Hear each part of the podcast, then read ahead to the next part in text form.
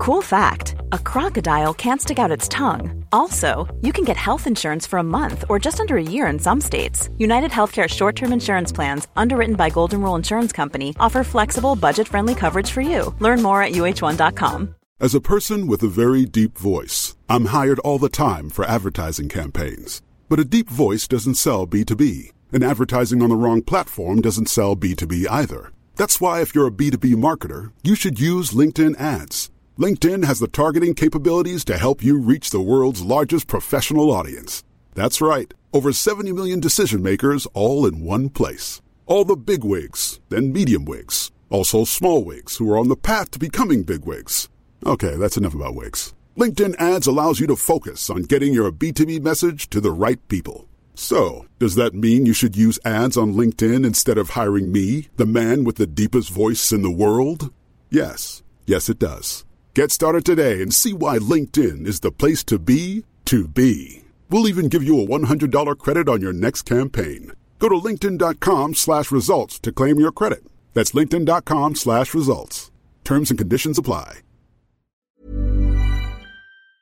Hallå! Simon Gärdenfors heter jag och snart börjar min podcast Arkivsamtal. Som klipps av min redaktör Marcus Blomgren. Mycket nöje!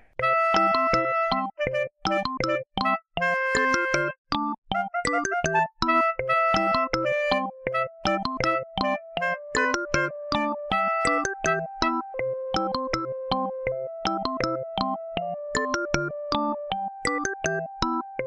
och välkomna till Arkivsamtal. Jag heter Simon Gärdenfors och mitt emot mig sitter Mikael Yvesand. Mikael Yvesand. Ja, jag kände att jag blev lite nervös inför uttalet av ditt namn. Ja, det, ja, det ska, Men ska det, man... förnamnet är väl lite lättare? Ja, jag tycker efternamnet är rätt lätt också. Jag tror vi diskuterade det här sist också. Mm, det gjorde vi. Men, japp. Eh, Jag heter också Mikael, fast i mellannamn. Det vet jag faktiskt. Jag jobbar ju på STIM, eh, så dök det upp någon gång någon av dina låtar sådär, så då kunde jag se det. Mm. Jag har även eh, bytt efternamn nu till eh, Vald Gärdenfors. Mhm. Efter eh, jag och Andrea gifte oss så ville vi ha ett gemensamt efternamn. Så då valde vi att ta Vald Lennartsson och Vald Gärdenfors. Ah, okej. Men det är min mammas gamla namn. Just det. Och även namnet på mitt företag, Vald Entertainment. och mitt, eh, mitt gamla alter ego, Murre Vald. Ja, det där minns jag. Det var din gamla katt och hur det nu var. Ja, man Eh, tar, man tar sin, sitt första husdjurs namn och sin mammas flicknamn, alltså hennes efternamn innan hon gifte sig. Och då ska man tydligen få sitt porrfilmsnamn. Då skulle mitt bli Pyret Jonsson. Pyret Jonsson. ja, men det låter bra. Det låter äckligt. Ett lite buskis, alltså som någon så här fäbodjäntan-aktig skådespelare. Ja, han hette väl i den här boken, om du har läst, um, heter den äldrevård, äldreomsorgen i Övre Kågedalen eller någonting. Den pojken heter väl Pyret, så du får också en sån association. Jaha, ja. Jag började läsa den, eh, men jag tyckte den var lite tråkig. Alltså Tertelagen. Ja, exakt. Mm. Jo, alltså den är, det är väl kanske lite mer än på, på papper intressant kanske. Men när Mm. jag faktiskt läser den eh, är väl så här, ja okej, I get it. Ja, du läste ut den. Nej, jag vet inte fan om jag ens gjorde det. Mm. Jag, eller ja, jag tog mig kanske till sista sidan, men det är väl vart nog sådär att man börjar skumma den rätt fort för Mm. att så här, den är lite speciell förstås. Mm. Och, ja, det var väl någon skandal kring den eh, författaren också. Att de uh, outade honom som att han skrivit mycket eh, nazistiska inlägg på Flashback eller någonting. Jag vet inte varför det får mig att börja skratta. Det är otroligt kul med någon, som skriver nazistiska inlägg på Flashback. Absolut. Ja, jag tror vi eh, tycker ungefär samma saker är roliga. Du, här, jag, tror, jag tror vi tycker ungefär samma saker, jag och Nikan. vi tycker nazistiska saker på, på Flashback. Ja, äh, vi, är må, vi är många som har fått nog och ja, är, man har inte många kommunikationskanaler så det blir ju Flashback tyvärr. Man får ventilera det här. Som vi alla ser händer mer och mer i samhället. Du är i alla fall författare eh, och du har varit gäst här en gång innan. Blev något av en lyssnarfavorit uppfattar jag det som. Mhm. Du fick inte den känslan? Nej, alltså det är ingen som har... eh, Det enda jag har hört är väl kompisar till mig som har lyssnat på så här. Jag hörde det här var kul. Men nej, jag inte, inte arkivsamtal-communityt. Men jag är inte så Du är inte så aktiv på Nej. eftersnackgruppen? I, Nej, jag är med, jag är med i eftersnackgruppen, men eh, jag brukar kanske inte vara Mm. Läsa så mycket. Sådär. Ja, det kanske folk eh, av någon anledning då skriver till mig att det var ett kul avsnitt än till dig. Ah, Okej, ja, men så det är väl jag- ändå sympatiskt Ja. att du, du, ska kanske... Ja. Mm. Och det var också det avsnittet du eh, gjorde ett Patreon-exklusivt avsnitt där du guidade till höjdpunkterna inom Arkivsamtal. Ja, du, just det. du hade antecknat lite roliga grejer som eh, sagts i podden. Ja, precis. Och det var många som gillade det också. Så jag tänkte i det Patreon-exklusiva den här veckan så ska du... För du hade även en lista på specialisterna podcast. Yep. Och du har även på, en på Music podcast. Yes, den, det är den jag håller på med nu. Alltså, så här, den, den, jag är ingen stor podcastkonsument. Jag, det är mycket att jag lyssnar på samma, en, jag hittar kanske en podcast och så lyssnar jag på den. Liksom, kan nästan lyssna om den typ så fort jag är klar så lyssnar jag från början. Arkivsamtal var en sån där för mig. Mm. Specialisten också. Men så hittade jag Music Yearnings podcaster. Då började jag lyssna på den. Så nu har jag liksom kommit efter Arkivsamtal. Eller Arkivsamtal lyssnar jag fortfarande på ibland sådär.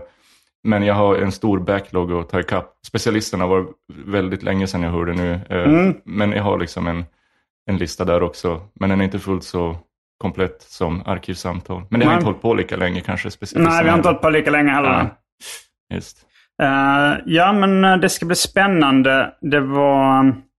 Um, I Music Yearnings podcaster, det är alltså en podd av Arman Reinsson och eh, Färska Prinsen. Mhm. Där de bland annat gör musik, vilket namnet antyder. Det är Ja. också en väldigt skojig podd. Ja, otroligt jävla rolig. Den skratt, Mm. alltså, Det är inte ofta man, man skrattar i dagens samhälle. Men den skrattar jag nästan alltid åt så, här, så mycket att det blir skämmigt när man sitter på tunnelbanan. Liksom. Mm, ja, det är en klassiker. Det kom, kom lite i podd-eran att folk bara... Men jag tror kanske den är kanske lite krävande. Jag tror man kanske måste ha någon form av förståelse för hela liksom, det här universumet, eh, spe- specialisterna. Mm. Det, det är som att det finns någon typ av jag har försökt förklara den där för kompisar till mig. Om de har hört den här så ska man liksom förklara varför det är kul. Det går inte riktigt. Det, Nej, alltså det, det är också...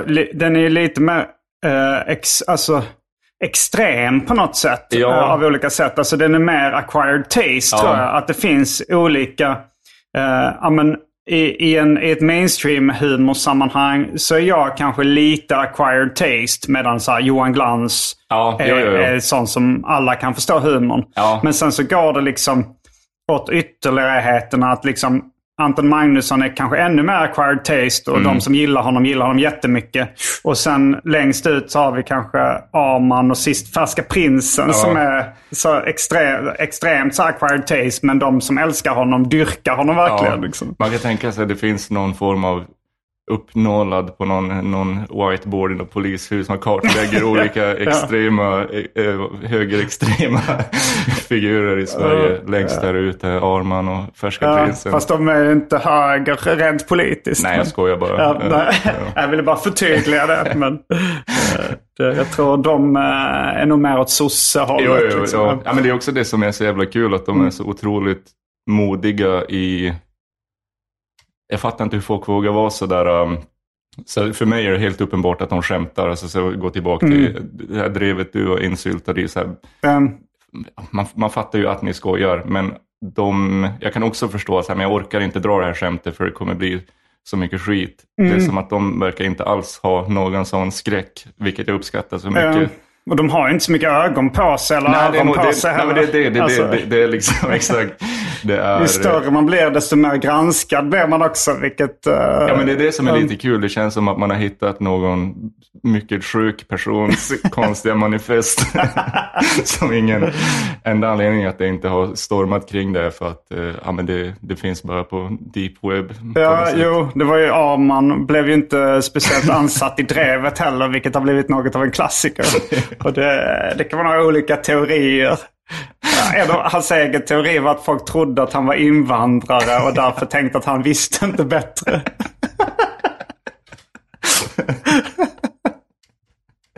Så det är en av hans många teorier. Men eh, nu har det blivit dags för det omåttligt populära inslaget Välj drycken.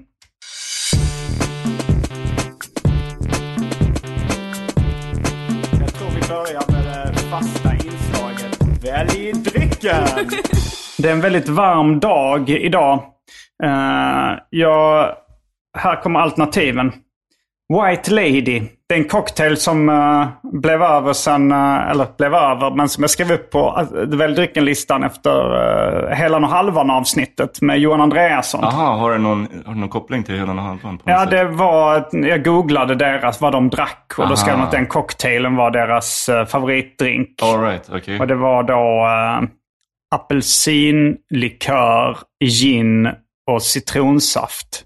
Oh, Det var lite Hawaii Gay Club-vibbar kring Jaha. den.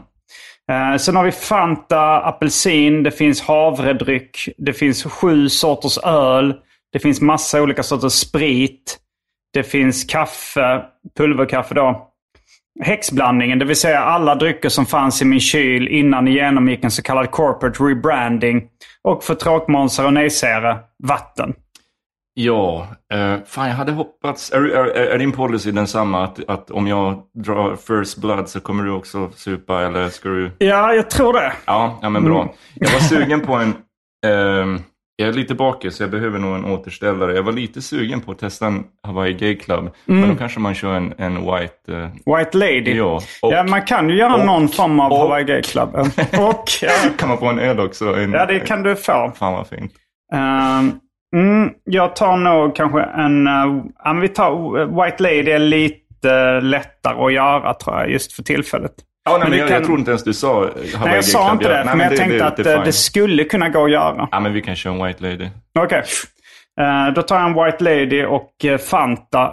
Eh, så är vi strax tillbaka med dryckerna kända från det omåttligt populära inslaget Välj drycken. Häng med!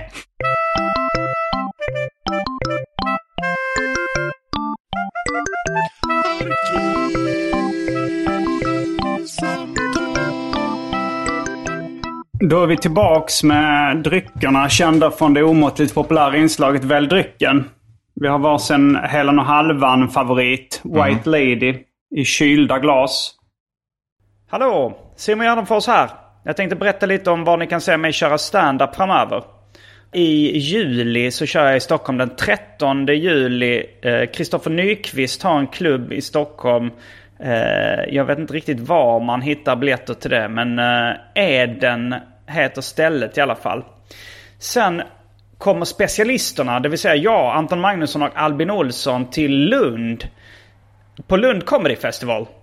Den 2 september kommer vi dit. Och, och där finns det redan biljetter ute till försäljning. Det är ett ganska litet ställe så passa på att köp det.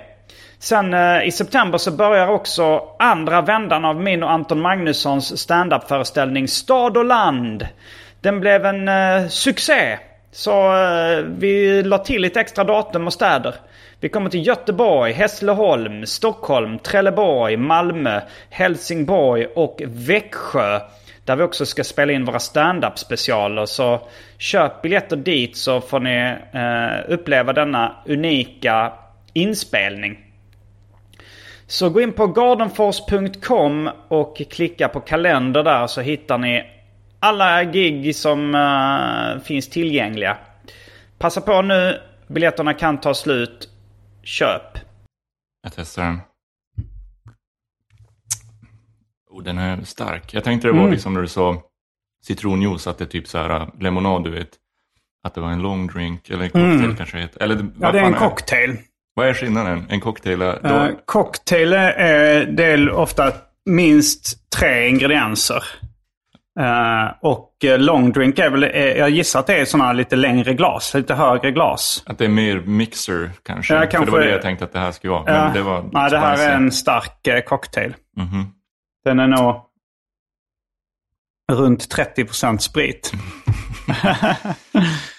Eh, och sen har du en öl i kylt glas också. Ja, så I jävla stop. underbart. Det är så sjukt varmt idag. Så Ja.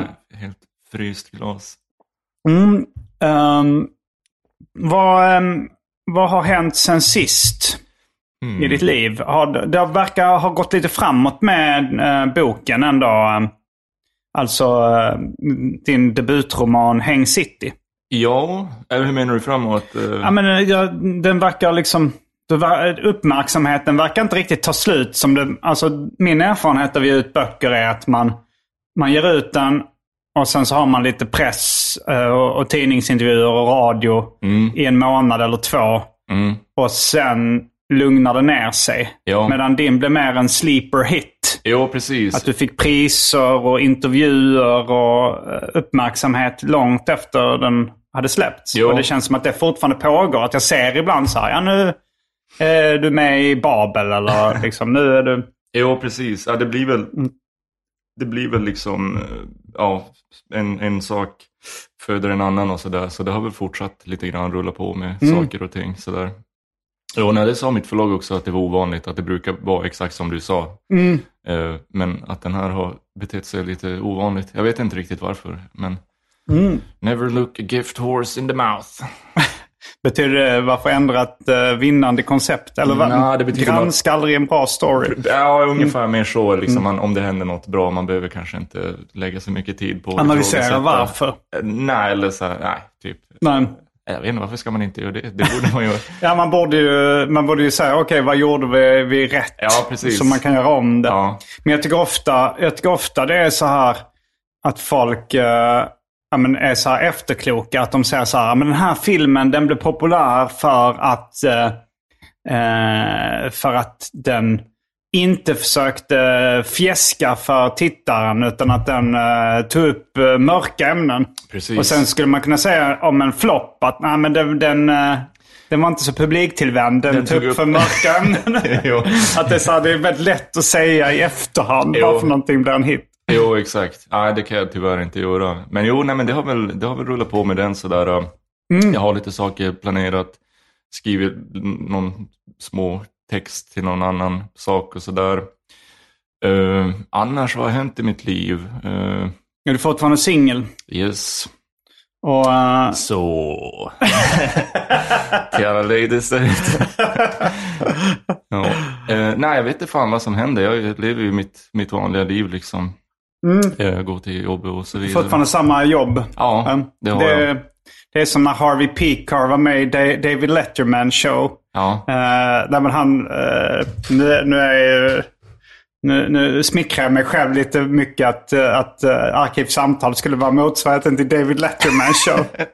Men Harvey Pekar, uh, serieskaparen då som gjorde American Splendor, som Ja. också blev en film om, han, han blev... är det, förlåt, är det Ghost World? Nej, det är Nej, det är Daniel Klaus Ja, som har gjort den. Men Mm. Ha- Harvey Pekar, det här var liksom kanske på eh, 80-talet han var med där. Mm. Eh, och eh, han, han var en rolig gäst, så liksom David Letterman bjöd in honom flera gånger till showen. Ja. Men han klagade på så att det här, den här uppmärksamheten den hjälper mig ingenting. Jag har fortfarande samma jobb som Jo. eh, Ja, så- arkivarie och, och jag liksom Ja, bor ja, ja. kvar i Cleveland. Och, och det, Ja, men så, så är det nog faktiskt lite. Jag tror folk kanske har en bild av om man har nått någon mild framgång med någonting, Mm. att det bara allt liksom ska explodera för så livsförändrande saker som händer. Men nej, jag, det känns fortfarande som att man måste vara så otroligt big time innan man kan helt liksom klippa banden till det vanliga skitlivet. Ja, eller eh, som i mitt fall att jag har aldrig blivit så big time men det har, det har liksom puttrat på under så många år. Ja. Så nu har jag ändå, då kan jag leva ganska gott. Jo, Eh, men det är också för att ja, men, eh, det var, jag har hållit på sedan jag var, alltså jag, eh, jag började redan med liksom, började publicera serietecknare när jag var kanske 17. Och nu är jag 45. ja. Eh, och så har jag liksom, så det har puttrat på och byggts på små delar sedan dess. Liksom. Ja, jag är nog lite för feg också för, för att liksom committa till det där. Jag ska, jag ska fråga, helt nu byter jag totalt ämne. När du Mm. pratade om han Harvey Pekar så trodde jag att du skulle säga en annan story. Ja. Jag undrar om du minns vart det här är ifrån. För jag vet att du har snackat om det någon gång. Jag tror att det var Mike Judge som har skapat Beavis and Butthead som var Mm. med i någon typ av intervju. Och att de, du vet vart jag är på väg. Ja, de tror det. pratar om, de liksom presenterar honom och säger att det är svårt att hitta så mycket information om dig på Ja. internet. Och han säger någonting, ah, it's not much to find, Ja. couple of rapes. Visst är det Mike Judge som säger det? ja, det är Mike Judge som säger det. Hur hittar man det? Alltså jag har sökt med ljus Alltså, och jag lykta. tror att det kan vara så här, för det, jag tror det var i podden Nerdist. Och jag tror att programledaren för podden Nerdist blev eh, rätt uh, hårt metooad. Oj, ja, det... Eh, Så jag tror de kan ha tagit bort avsnitt, speciellt de med våldtäktsskämt i. Okej. Eh, kanske. Alltså Ja. jag, tror, jag, jag tror inte den går att hitta just nu. Om Alltså, de inte alla någon lagt- avsnitt utom fyra försvann. Ja. Det visar sig att han ger tydliga instruktioner för hur man groomar barn. Nej men... eh, Vi, vi anade aldrig någonting förutom det här med att han var mycket detaljerad i hur man begår övergrepp på bästa sätt. I nästan varje avsnitt. det var den detaljen.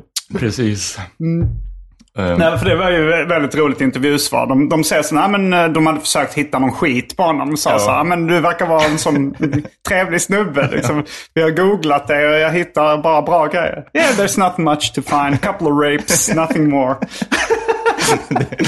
Otroligt kul. Ja, det, Ja. apropå att vara modig då liksom. Ja, men sån, den typen av skämt kan, tycker jag, de kan funka. Det är på något sätt så väldigt uppenbart eh, Mm. att man, eh, ja, det var någon, ja jo, nej precis, med, med bara här liksom uttrycka sig, använda en ordet och sånt där. Hur, hur vågar folk lita på att tillräckligt många ska fatta att det här är inte, eller så här, det ordet kanske man aldrig ska använda ens som ett skämt, men det, jag fattar inte hur man vågar vara så eh, modig.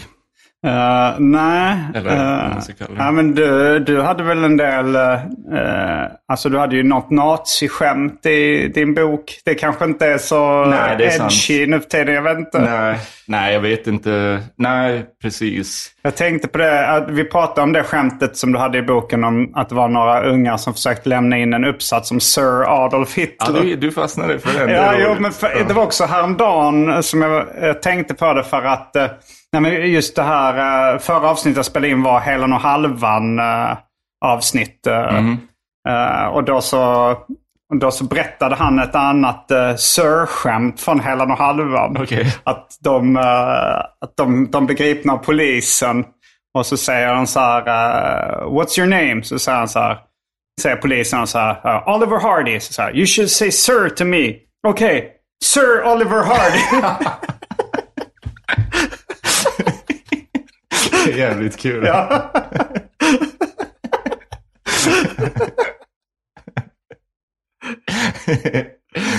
ja. mm, det finns många kul skämt med Sir. Undrar om det finns några regler kring, du, apropå ditt nya efternamn, skulle man kunna få lägga till Sir som juridiskt namn? Jag tror Sir det finns det. Jag tror nog det finns Ja, det eh, det. regler och sådär. Men, Ja.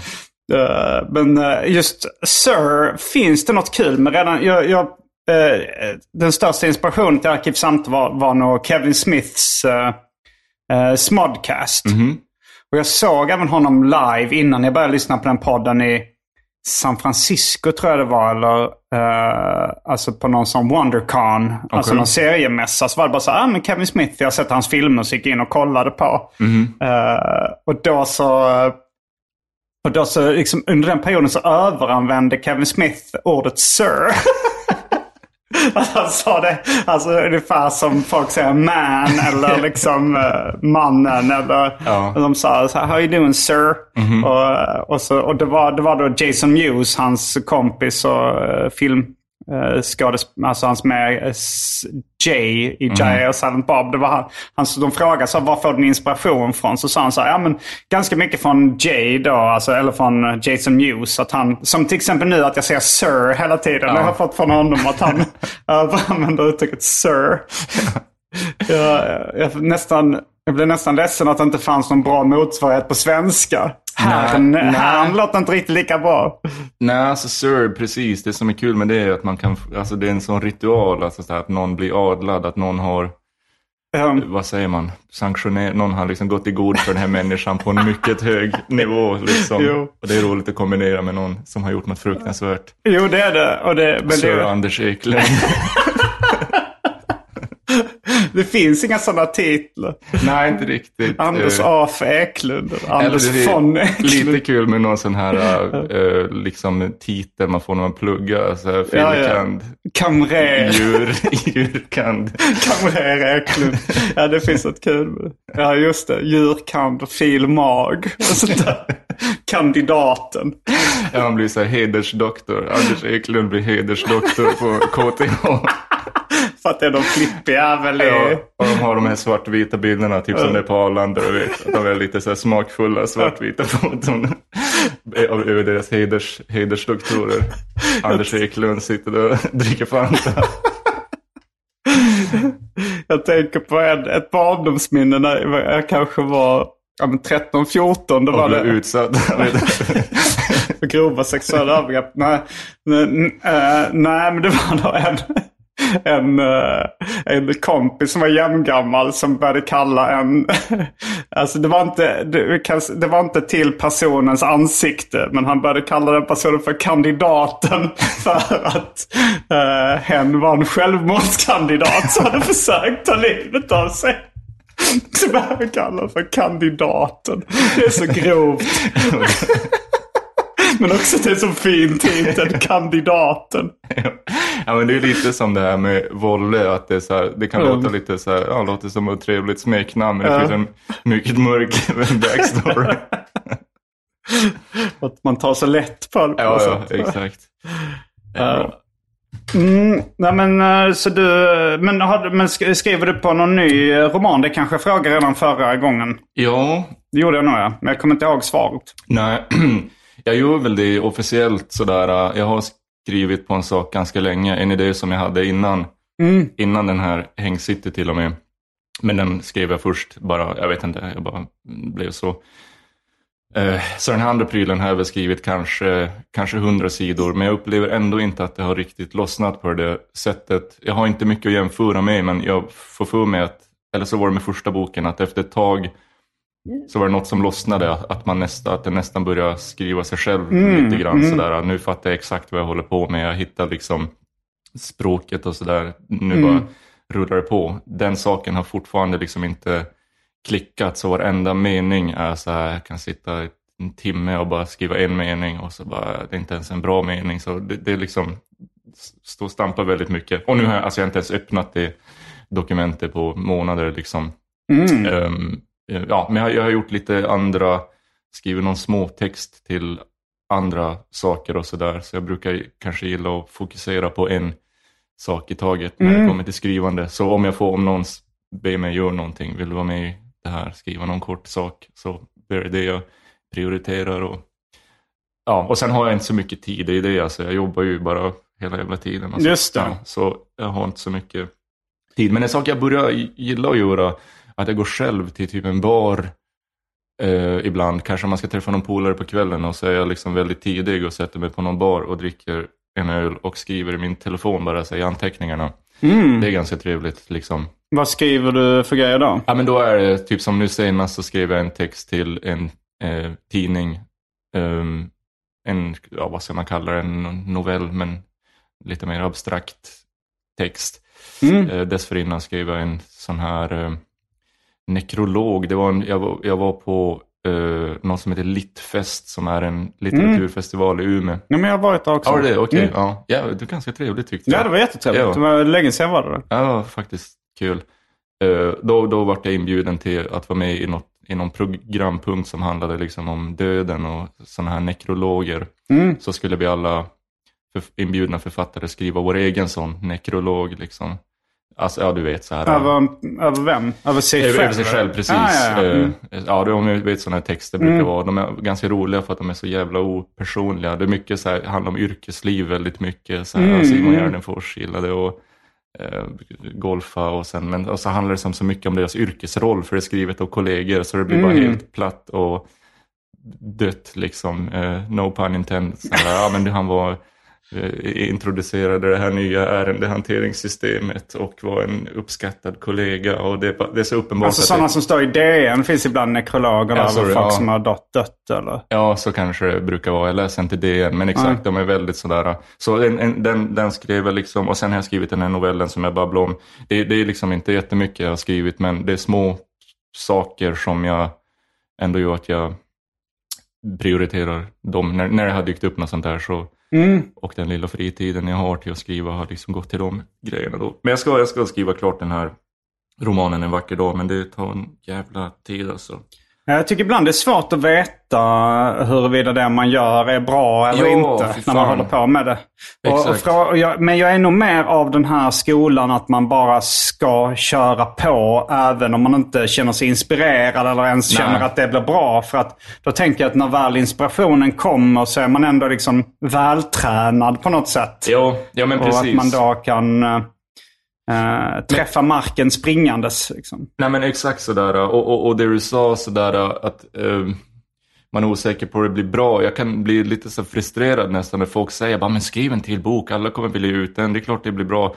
Alltså, så, nej, alltså, jag vet inte, alltså, så här, det, det skulle lika gärna bara kunna bli totalt skit. Man kan liksom inte se, eller jag kan inte se vad det själv är jag håller på med. Jag kände exakt likadant med förra boken, bara det skulle kunna vara att folk tycker det här är jättebra eller att det är så dåligt att det går liksom inte ens att bedöma. Typ så här, jag tänkte när jag skickar den till bokförlag att de kommer liksom inte ens skicka det här standardsvaret, typ nej tack, utan bara det här är, vi kan inte bedöma det här, det är så konstigt och dåligt att jag, jag, sak, jag saknar ord. Det är Ja. liksom, du har helt missförstått vad eh, skönlitteratur är för någonting. typ så är jag väldigt sådär. Men den tråkiga sanningen är ju att man väldigt ofta rör sig i något slags mellanläge. Bara, ah, nej, det är inte jättebra, det är okej, den här biten är kul men det mesta är ganska dåligt tyvärr. Ja, det, det är skönt eh, att höra att det inte bara är jag som känner så. Men Nej. det, men det kanske jag inte misstänkt heller. Det känns som en ganska klassisk eh, grej att eh, som skapande person pendla mellan att tycka att man är skit och ha liksom hybris. Ja, jag pendlar eh, vad jag tycker om det också mellan skit och Ja, nej, men, en stor... eh, Nej men i ärlighetens namn, har du inte velat skriva någon till, eller jag tror att du har sagt det, men kanske det är inget du prioriterar heller, att skriva en ny serieroman? Eh, jo, jag hade gärna gjort det, men, eh, men jag har ganska mycket saker liksom eh, som, som jag prioriterar just nu. No. Eh, just nu så vill jag ju få klart min film snart. Du verkar, det- du verkar så jävla så här fokuserad och eh, som att du har så planerar saker. Jag är nästan avundsjuk på det där. Att du, att du verkar så strukturerad och lägger upp så här långa planer och, och sånt där. Och, och att du har en ganska nykter och sann bild av hur länge och saker och ting tar. Ja, du måste ju ha hört mitt knep hur man räknar ut hur någonting... Ja, det var man, man ska dubbla och sen Ja. dubbla igen och sådär. Ja, men det är ty- Ja, typ så- ungefär. Ja. Det, man ska räkna ut, man ska liksom ta den, det man verkligen tror utan att liksom ha några glädjekalkyler. Ja. Och sen när man har gjort den uträkningen så dubblar man det. Ska man inte dubbla det igen sen eller något sånt där? Nej, det okej. behöver man nog inte göra. Men, men det var faktiskt som med, med Död kompis. Att jag, jag trodde, jag räknade på det att det skulle ta två och ett halvt år.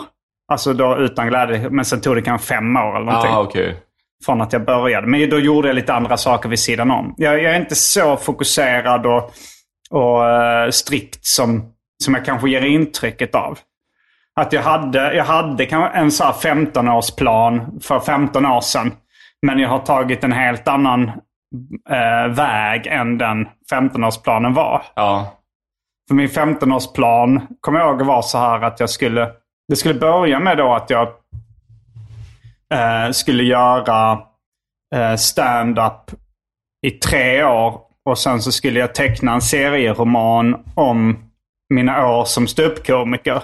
Var inte det liksom om, om stand-up-karriären inte funkar så var inte det plan B liksom? Att okej, åtminstone göra en serie om Jo, det? kanske det var undermedvetet. Ah, okej. Men, eller så här, det, det, men jag tänkte väl att jag skulle göra den serieromanen i alla fall. Mhm. Eh, och sen hade jag tänkt att jag skulle göra eh, ma- serier om mat. Mm. Eh, för jag var rätt inspirerad av japanska matserier. Jo.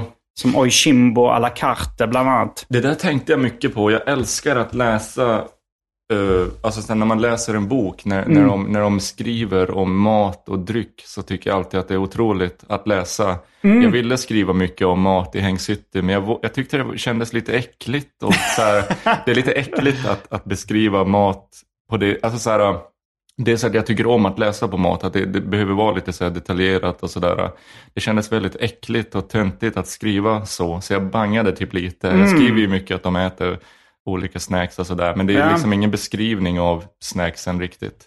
Nej, jag kommer ihåg det när jag var liten eh, att jag gillade när eh, man läste Narnia-böckerna eller något sånt. Att det stod mm, vad de, vad de åt. Delight. Uh, ja, men ja. även att det var så kanske någon slags engelsk muffin med smör och marmelad. Alltså att man fick, mm. Och det kommer jag ihåg att J.K. Rowling snackade om också. Att hon, att hon sa så att en av, en av anledningen till att hon trodde att hennes böcker blev populära var att hon beskrev sådana saker som liksom vad de åt. Jag har inte läst hennes böcker dock. Alltså jag har inte läst Harry Potter. Men hon, hon nämnde det. Men jag kommer ihåg det och även... Och sen sa hon PS. Kvinnor och män. det finns en distinkt skillnad. Den ena kan aldrig bli det andra. Bevingat J.K. Rowling-citat. Får jag ta min t-shirt? Ja, Gör en konstig stämning. Uh, nej men det, det är okej. Okay. Det är otroligt varmt. Jag ser nu att du har uh, en uh, snobben-tatuering. Eller Charlie Brown i alla fall. Och nu, nu, kommer Simons fru hem precis. Ja, när precis. När han tar av sig tröjan. Det blev någon slags uh, buskis, buskis situation. Slänger dörrar, nakna ja. män vid bordet. Ska, ska jag hälsa på, på din, din, mm. din fru? Ni har inte träffats heller innan? Det tror jag inte. Nej, så det blir... Hej! Hej! Nu... Okay. Um... Cool fact a crocodile can't stick out its tongue. Also, you can get health insurance for a month or just under a year in some states. United Healthcare short term insurance plans, underwritten by Golden Rule Insurance Company, offer flexible, budget friendly coverage for you. Learn more at uh1.com. Quality sleep is essential for boosting energy, recovery, and well being. So, take your sleep to the next level with Sleep Number. With a Sleep Number smart bed, you can individualize your comfort level and enjoy a better sleep night after night. JD Power ranks Sleep Number number 1 in customer satisfaction with mattresses purchased in-store. And now the Queen Sleep Number C4 smart bed is only $1,599, a saving of $300 only for a limited time. For JD Power 2023 award information, visit jdpower.com/awards. Only at Sleep Number stores or sleepnumber.com. As a person with a very deep voice, I'm hired all the time for advertising campaigns. But a deep voice doesn't sell B2B, and advertising on the wrong platform doesn't sell B2B either. That's why if you're a B2B marketer, you should use LinkedIn ads. LinkedIn has the targeting capabilities to help you reach the world's largest professional audience. That's right, over 70 million decision makers all in one place. All the big wigs and medium wigs also, small wigs who are on the path to becoming big wigs. Okay, that's enough about wigs. LinkedIn ads allows you to focus on getting your B2B message to the right people. So, does that mean you should use ads on LinkedIn instead of hiring me, the man with the deepest voice in the world? Yes. Yes, it does. Get started today and see why LinkedIn is the place to be to be. We'll even give you a $100 credit on your next campaign. Go to linkedin.com slash results to claim your credit. That's linkedin.com slash results. Terms and conditions apply.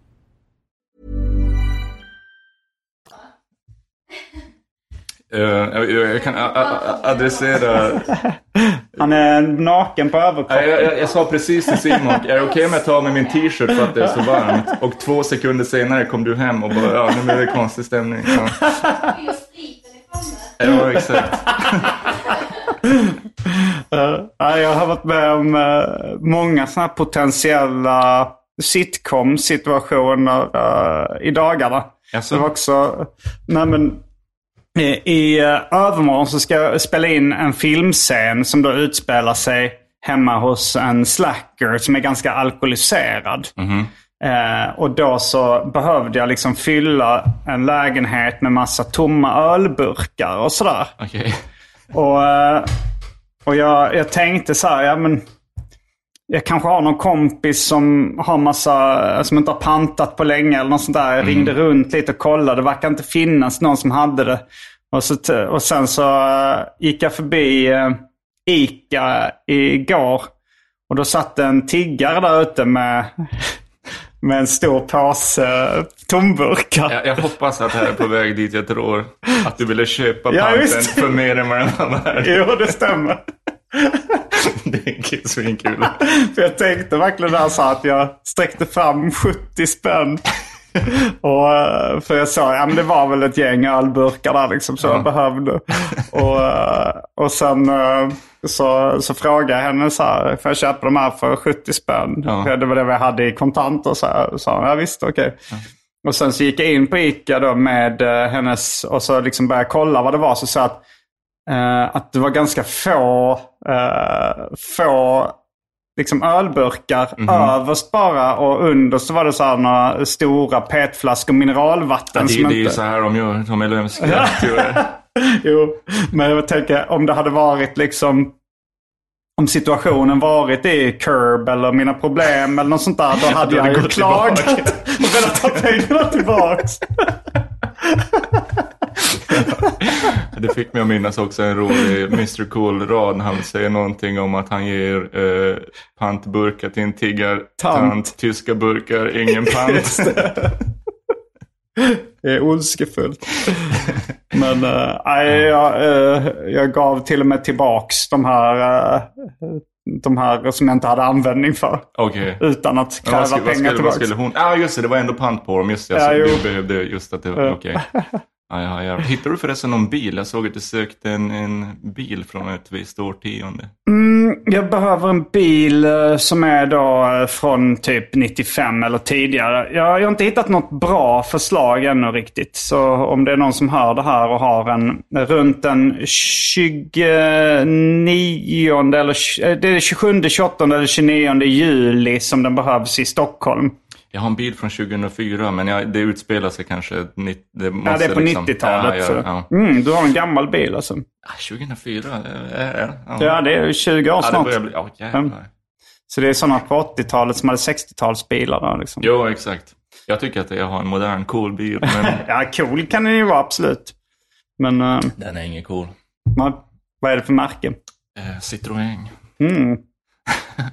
Jag kan extremt lite om bilar. Det här Ja. var nog den första frågan jag ställde om en bil. Den har ingen sån här AUX eller Bluetooth. Man, den har CD-spelare, så jag börjar bränna mycket CD-skivor. Mm, det är ju i och för sig lite coolt. Det kanske inte jag får ju som jobbar på Steam.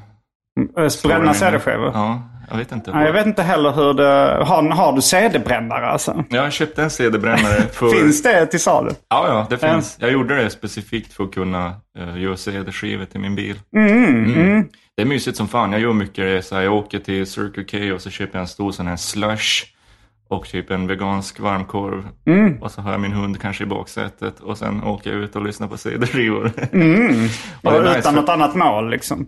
Nej, nej precis. Mer, mer uh, Mihailovic-tillvaro. Jag driver runt mycket på köpcenter. Hör röster som säger åt mig att angripa utrikesministern. Ja. Eh, Jo, nej det är nice. Och den har också så här glastak. Liksom, hela, hela taket på bilen är glas. Mm. Så om man åker ut på natten kan man liksom titta på stjärnfall. Mm. Det Blev inte som ett växthus på sommaren? Jo, exakt. Man måste dra för. Det finns någon form av innertak. Men det glömmer jag Mm. ofta att dra för. Och då, exakt, då blir det växthuseffekt. För jävligt. Stort samhällsproblem. Mikael Yvesans varma, varma Citroën i Farsta. Är det Farsta du bor alltså? Det är också kanske man, det är ju lite kaos, eller lite kaos, det var en mycket tragisk sak som hände, jag vet inte när det här kommer ut nu, men för en vecka sedan när vi spelade in Mm. så blev två människor, eller fyra människor skjutna i Farsta centrum. Just det, Ja, det var en rätt stor nyhet. Ja. Jo, så det är lite konstig stämning i Farsta.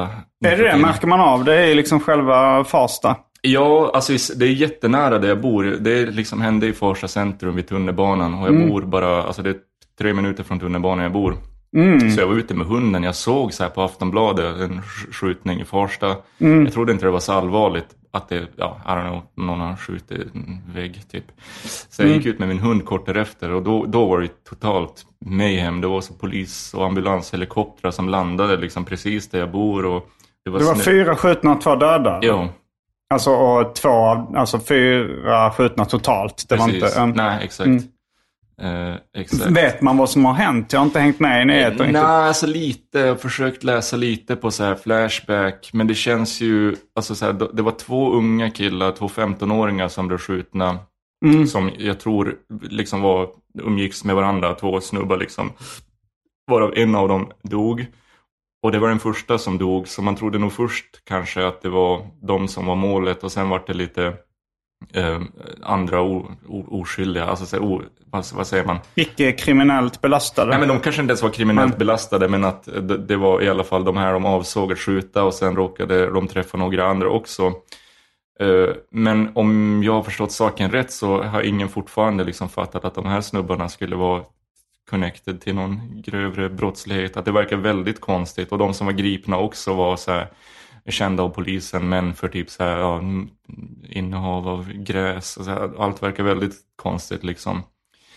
Ehm, och en, den här andra äldre snubben som dog verkar vara totalt, ha ingenting med någon form av någonting att göra. En så här fotograf som lever, går till kyrkan och extremt deppigt alltså. Mm. Ja. Men du tyckte att det var, vad var det du sa? Att det var lika bra eller? Du, du sa tidigare innan vi började spela in. det är sånt som händer. Ja, just så sa du. Jag tänkte på det här med oskyldiga. Jag hörde någon, jag tror det var på Gagne-festivalen, så var det då en uh, dancehall eller reggae-artist som, eh, som hade någon, liksom eh, en låt, eller det var nog samma en a cappella-rant han hade i takt till, i alla fall i någon form av takt. eh, där, som handlade om en, en man som eh, hade Älskat med en annan man. Ja, det, jag tror att det var, jo, det var nog så att eh, en man eh, som hade då, eh, han, en man som hade älskat med en annan man. Mm. Och sen så hade han gått till en, en prostituerad. som också då hade blivit smittad av aids. Från den här bögen och den här mannen. Och sen så var det en annan prostituerad som hade då, eller en annan man som hade gått dit och blivit smittad. Och så hade han smittat sin gravida fru som födde då en eh, hiv-smittad bebis också. Varför skrattar jag Men punchlinen på det var att det var två oskyldiga döda. Att den gravida frun och bebisen tyckte han var de enda oskyldiga. Det. Att bögen, horan och han mannen som gick till Nora. Att de var Det var en rolig skyldiga. historia. Det är som någon fabel. Att det ska vara något sedelärande på något sätt. Ja, det var väldigt life. svårt att, det var väldigt svårt att eh, liksom, eh, eh, ta till sig vad han ville komma med det här. Men, men det var ju också den här lite brytpunkten när liksom, dancehall och reggae var väldigt populärt i, eh, i Sverige. Men man hade inte riktigt liksom börjat, folk förstod inte riktigt vad de sa. Nej. Och det var, det var väldigt mycket grov homofobi och, eh, och, och sexism och sådär. Ja. Men, eh, Ingen vågar erkänna att de inte riktigt hör texterna så de bara dansar. Nej. Fruktansvärda budskap. Jag vet, det var otroligt roligt. En hiv-smittad bebis fick mig att skratta. En kompis till mig sa häromdagen, härom, det var länge sedan, apropå ingenting. Han sa bara två ord som jag började skratta åt som var född kåt. Som också är kul. Jag lite, ja. Apropå det här med så få ord som skapar en hel, jag tror vi snackade om det apropå Sir Adolf Hitler. Sen- Just det, det är bara tre ord. Ja. Fabrikat, det är bara två ord. Ja, det, det, är nog, det, är nog, det är nog nyckeln till hela min verksamhet. Att med så få ord som möjligt skapa en värld. Skapa humor. Jo, men det är så här uh, one-liners inom stand-up och kanske punchlines inom rap och sådär. Det är också det att man liksom ska försöka få ett skämt på så få ord som möjligt. Ja, Men uh, vad, vad är ditt kortaste skämt? Kan du dra det som får skratt? hmm. Du kanske inte har någon sån där... Nej, jag har nog inget som är så otroligt kort. Nej. Alltså jag har väl, har väl några one-liners som säkert då skulle gå in på en rad. Ja, Men, eh, men jag har svårt att komma på det komma på nu. nej. Det känns som att det var det som var lite av Twitter i början att det var lite så här så folk använder det. Att man väldigt kort, det var 140 tecken. Så Mm. skrev man något kul. Men nu har det bara blivit något, ja nu är det fullständigt kaos på Twitter. Men att det ganska snabbt bara blev helt Jo, piss. de tog bort spärren också. För hur många tecken var det man hade på sig från Jag tror det var början? 140 och sen var det Um, 280 och sen är det nu bara så videor och bara så långa ju- trådar och folk tar en screenshot på något jävla manifest och Um. bara, ja okej. Jag vet inte varför jag började prata om Twitter men. Nej, men vi pratar om one-liners och korta. Korta. Ja. Har, du, har du skrivit några skämt någon gång? Alltså som one-liners eller något sånt där?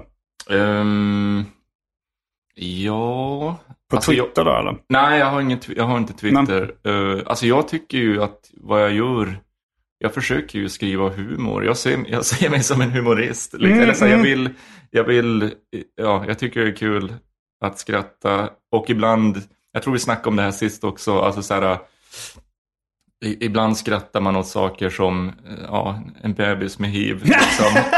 Eh, att, att det kan vara, humor måste inte, det, det, det, kan finnas liksom andra saker i humor som skapar en, en stor värld. Mm. Eh, eh, jag tror jag sa och uttryckte mig lite konstigt sist, att jag pratade om någonting, att humor inte bara måste vara något man skrattar åt. Men det, det, som att det är något fel med det. Jag tycker det är något väldigt fint att skratta. Liksom. Det är en, Mm.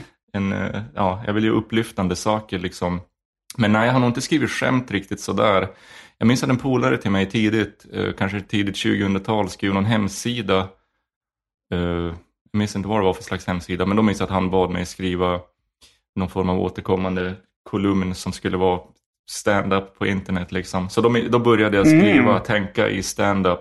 Okej. Ja, och det var precis då jag hade upptäckt Mitch Hedberg. Så jag tror Mm. jag kanske... Han är en one-liner-kung precis. liksom. Så jag försökte nog mycket det där, skriva rader med Ja. skämt. Men det, det, det vart aldrig något av den här hemsidan, så de där skämten... Så du har ett gäng one-liners alltså? Ja, alltså nu, nu, det här var så jävla tidigt. Nu, nu har jag bytt telefon. Någon, den finns nog begravd i någon gammal 3210 någonstans. Mm. Eller man skrev man ens anteckningar där? Jag minns fan inte. Men... Det hade varit intressant se om det är några... För att skriva one-liners är något av det svåraste som finns. Ja, jo precis. Det är jävligt svårt. Och just det här vi snackade innan vi började spela in det här om publik och hur, hur man, eller du måste styra vad du säger beroende på vars du giggar, vad det är för publik liksom. Ja. Ja, det är väldigt svårt att, Kom du... Alltså, för... Ja, jag började ju ganska... De tidiga korta skämten jag eh, skrev. Har du läst DJ Röv någon gång? ja gud ja. För där, där minns jag liksom att då var jag tonåring när jag började. Alltså det var ju då... Eh, eh, ja, men Kalle Törn hade klottrat DJ Röv på en bankomat. Alltså han bara David- skrev orden DJ. Ja. Ja. vi, hade, vi hade suttit och DJ spånat. är också kul av- som Sir, att, Ja. DJ Anders Eklund. Just det, absolut. Alltså en av de roligaste sakerna eh, som jag skrattat åt på, på, i modern tid. Det var ju någon som, det var några komikerkollegor som hade suttit och, och gjort sådana här, vad heter det, anagram när man kastar Just om det, eh, ja. bokstäver. Och, eh, och så hade de eh, gjort olika kända personers namn och kastat om. Och då hade Jan Björklund då hade de fått fram att eh, ett anagram på det blev DJ Runkblöja. Otroligt dåligt.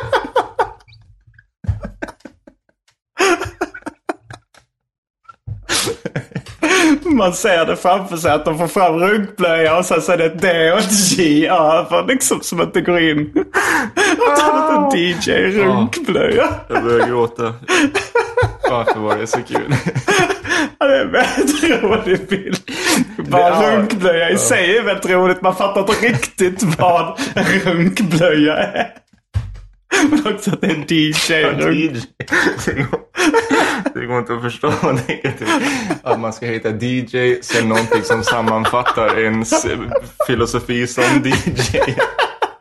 Typ såhär DJ Screw, du vet. Att han uppfann Screw det runkenblöj. Ja, herre min ge. Ja, men det var inte John Björk. Nej, just det. Det var Littorin som som sen blev lite cancelled. eh, Som trålade nätet efter sprängkåta brudar. Ja, vem, vem kan med handen på hjärtat säga att den, Den som inte... Den kastar första stenen. Låt den som inte trålat nätet efter sprängkåta brudar kasta första stenen. Ja, vad var det han hette? Han hade något väldigt roligt Ja, nickname. ja, han hette... Det var eh, han hade två olika namn. Eh, Han hette bland annat eh, eh, Mr Feelgood 6 och Danger Zone. Jag kommer vi pratade om det här i första Arkivsamtal när Färska Prinsen blev intervjuad. Ah, Eh, Jag tror det var då jag fastnade för uttrycket sprängkåt. För att han ju sa att eh, Sven-Otto Littorin trålade nätet efter sprängkåta brudar. Men hans teori också var så här med Danger Zone. Så här, att han hade sån lite föråldrad bil av eh, så här, vad gillar unga människor? De gillar sett Top Gun. Som hade låten Danger Zone och spelade i Top Gun. Danger Zone. vad var det första namnet sa du? Det var också kul. Eh, miss, jag tror det är Mr Feelgood 6. Ja, Alltså Mr. Feelgood 6 då, eller jag vet inte om det, hur det ska uttalas. Jag tror inte det var Dr Feelgood, det var Nej, Mr det var Feelgood. Kiss-låt, eller vad fan Ja. är det? Dr. Feelgood? Det också Ja, eller samma. Aerosmith eller något sånt där. Ja, exakt. Något sånt där. Ja, han har jag minns den från MTV liksom. när jag var liten. Men Ur, Feelgood. uråldriga Ja, referenser. nej, men då, det är väl också mer sexuella anspelningar då. Att han ska få de här sprängkåta brudarna att må bra med då sex. Med hjälp av sex. Mm. Han vill jag- inte missbruka doktortiteln. Nej. Som Mr Pepper. Det har ju Mitch Hedberg något skämt om att doktor... eh, fan han säger? Dr Pepper. Att eh, han dropped out of medical school och började göra läsk. vad- är skämtet? att Han kallar sig Mr Pepper då? eller? Nej, men han bara säger någonting om att Dr Pepper, att hans föräldrar var besvikna och att han liksom droppade ur, eh, vad säger man, medical school, vad heter det? Mm. Ja, och började göra läsk. Och så började han prata om Dr Scholl som är en sån skosulinlägg liksom. Att han Ja. hade kunnat köpa en sån kursen från Mr Scholl. Man behöver inte vara en doktor för att räkna ut att det är skönare att kliva på en mjuk sula.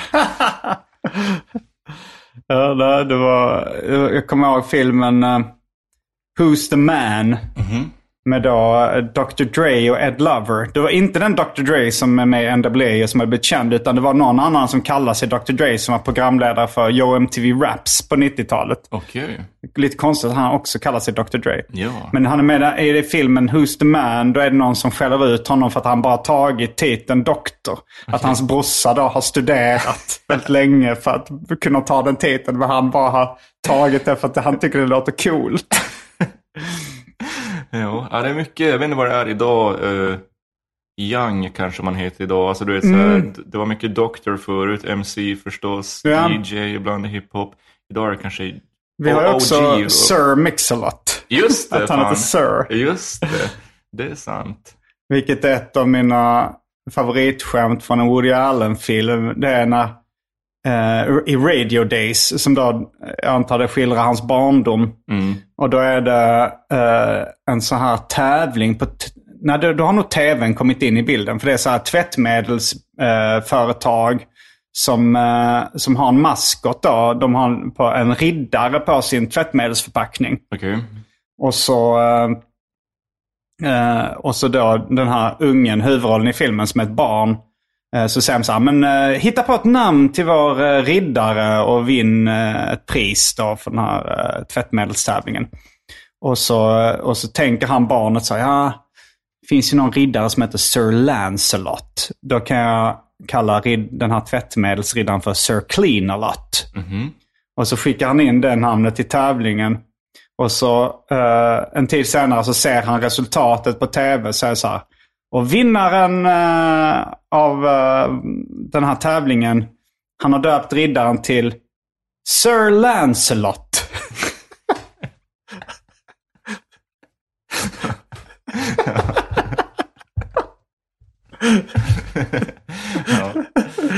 Ingen twist. Nej.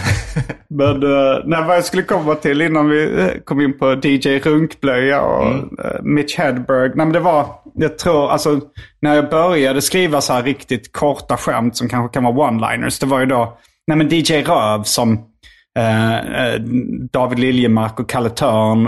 eh, och jag då eh, fick väl också en skapande credit för. Men eh, vi, vi gjorde den serien till, eh, tillsammans. Och jag skrev en av de tidiga manusen då. David skrev så här några, några prototypmanus. Att det var så här, det var en trerutare, samma bild på den här DJen. Och så säger han tre olika grejer. Ja. Och då, och då kommer jag ihåg att jag, jag skrev, jag tänkte så här, då, då ska jag testa att skriva några sådana också. Och det var en av de första jag skrev var eh, D står för disk. J står för jockey. Och i röven står en kuk.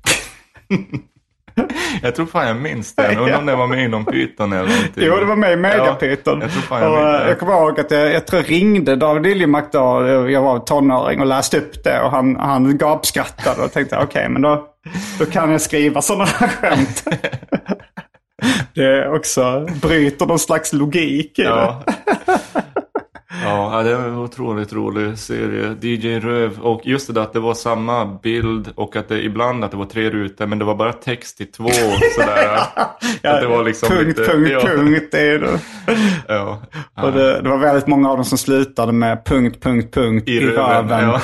Och sen återanvändes det också. Liksom, och alltså att det var många av scenerna som slutade med och i röven står en kuk. alltså så här, David skrev någon eh, uppföljare till det. Kanske så här, Bill Clinton spelar sax. Ja. Alf Svensson spelar sax. Och i röven står en kuk. Alltså, Jag brukar sån- tänka ibland på DJ Röv, alltså så här, folk som är DJs. Mm. Det är ofta, det är mycket så här, folk på mitt jobb, så här, Åh, kom, jag spelar skivor idag på den här baren på Söder, du vet. Det Mm. är lite sådana här eh, Södermalms snubbar som spelar skivor. Mm. Att tänka på DJ Rövs liv. så här, du vet, han har någon så här andrahandslägenhet vid Mariatorget. Lite stökigt där, spelar skivor någonstans. The Extended Universe, Röv. Det, Ja, ni det- gjorde väl en film? Ja, det gjorde- ja. Ja, för film är lite att ta i. Ja. Men jo, jo, det är ju någon form av film. Men eh, det är ju samma, samma bild Ja. då i stort sett som står och skakar lite. och sen så är det en voiceover som David Liljemark har gjort. Han läser in liksom allt komplett material som finns med DJ Röv. Just. Eh, och sen tror jag det bonusmaterialet är DJ Rövs begravning. Hur har DJ Röv dött? Eh, jag tror det var hjärt och kärlsjukdomar.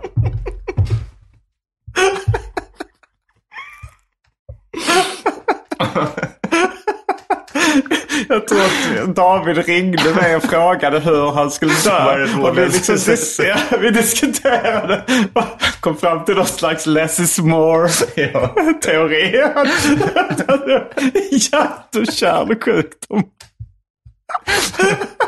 Att det inte är något asflippigt. Långsamt somnat in i sviterna.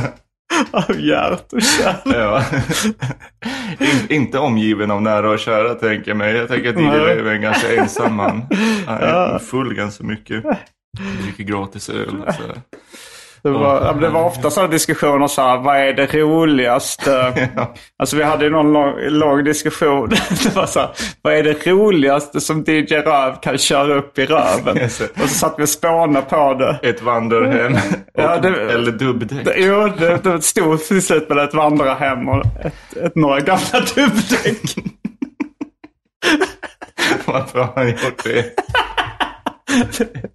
Det finns ingen förklaring till varför. Varför inte? Någon måste göra det. Åh herregud. Ja, det är väldigt roligt. eh, Mm. Också teori.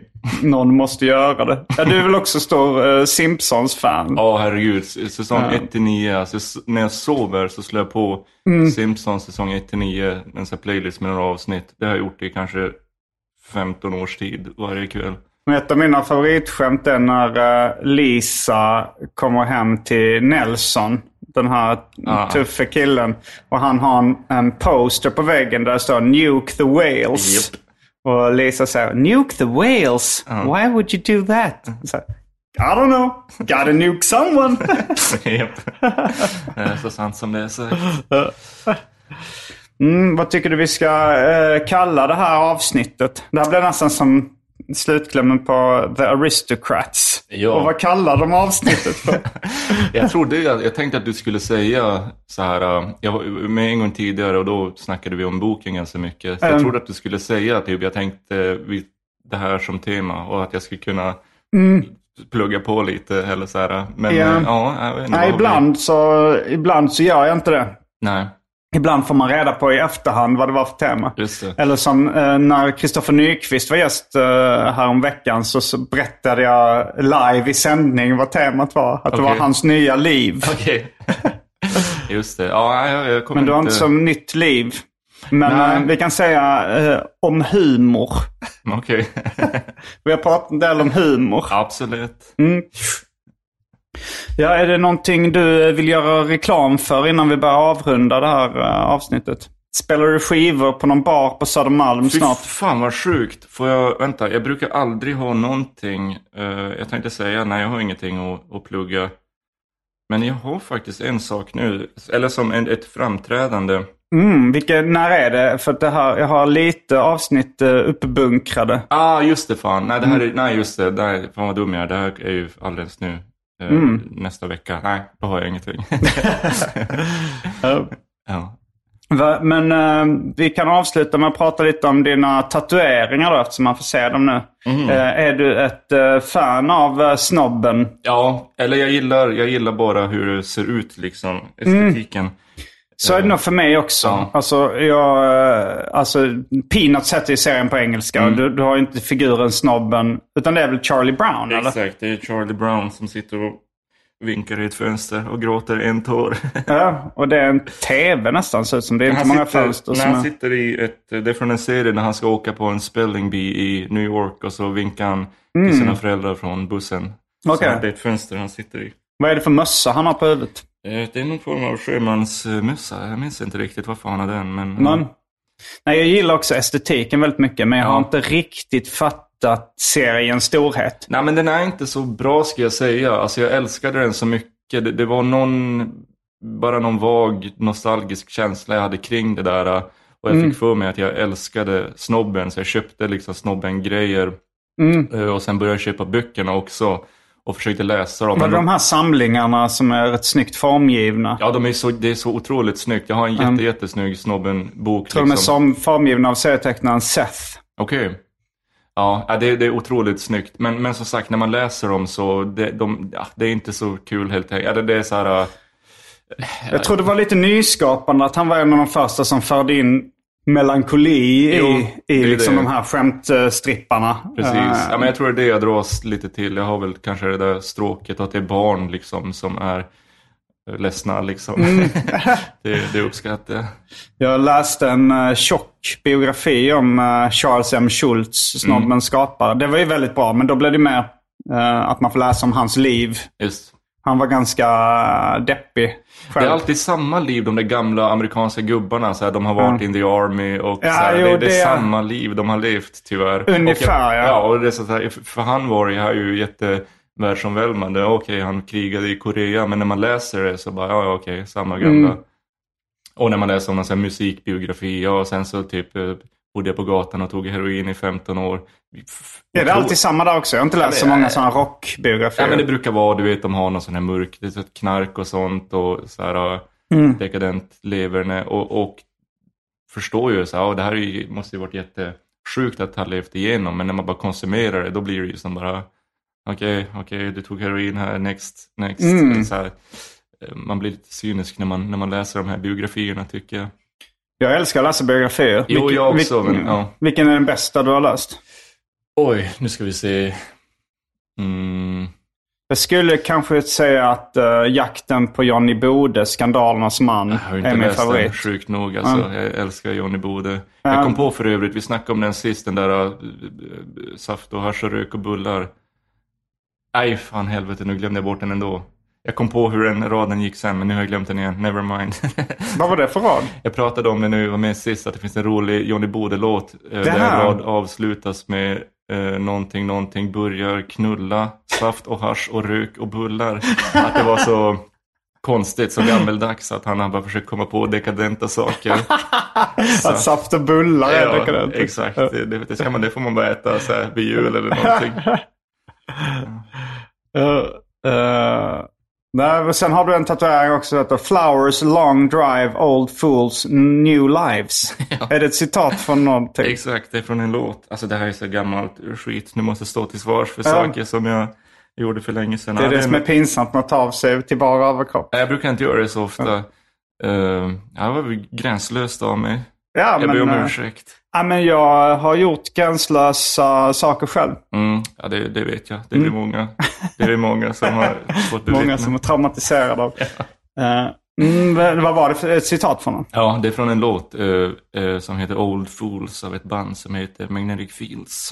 Ah, ja, ja. Yes. Jag tror att Mats Jonsson också gillar dem. Alltså? Jag kan ha, kan ha fel, men Ja, men det låter rimligt. Han är Mm. väl gammal popsnöre. mm, verkligen. Ja.